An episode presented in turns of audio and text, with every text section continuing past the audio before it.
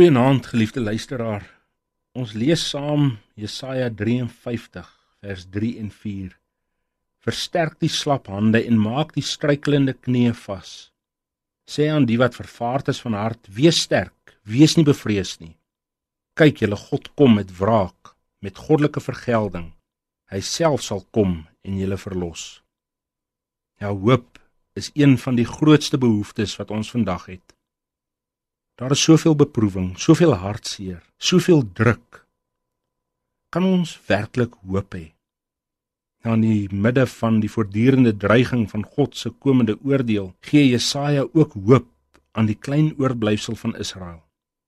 Hierdie klein klompie gelowiges, ware gelowiges wat nie verlore sal gaan nie, kan waarlik hoop hê al sien hulle hoe dinge rondom hulle in mekaar sak. As die Here die land sal herstel, dan sal dit nie meer soos 'n dor woestynland wees nie, maar daar sal waterstrome vloei. Hy sal weer seëninge in die lewe van sy volk gee. Al gaan dit met ons hoe sleg, ons kan altyd hoop hê, want ons weet ons is in die hand van die Here. In die lewe wat ons ontvang, vind ons versterking in die hoop dat daar juis in Christus vir ons gegee word. En op grond van die wonder van die seëninge wat in Christus gegee is, kan ons as gelowiges nou ons hande sterk maak. Kan ons die swakkende knieë weer versterk. Ja, die kerk van die Here, die gelowige kinders van die Here kan volhard in die roeping wat die Here gegee het, want Christus het vir ons gesterf.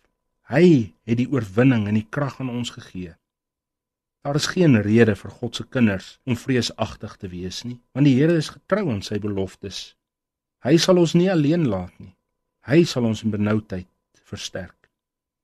En die uiteinde van hierdie versterkende regering van Christus, dit word duidelik wanneer die gelowiges met vreugde uitsien na die regering wat uit Sion sal kom.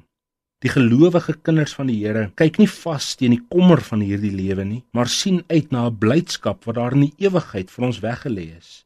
Die skat wat in die hemel vir ons bewaar word. Ja, saam met Paulus kan ons weet dat ons ons in die Here kan verbly, want hy is in Christus naby aan ons. Saam met Jakobus weet ons dit louter vreugde wanneer daar beproewing oor ons kom, want so weet ons God is met ons besig.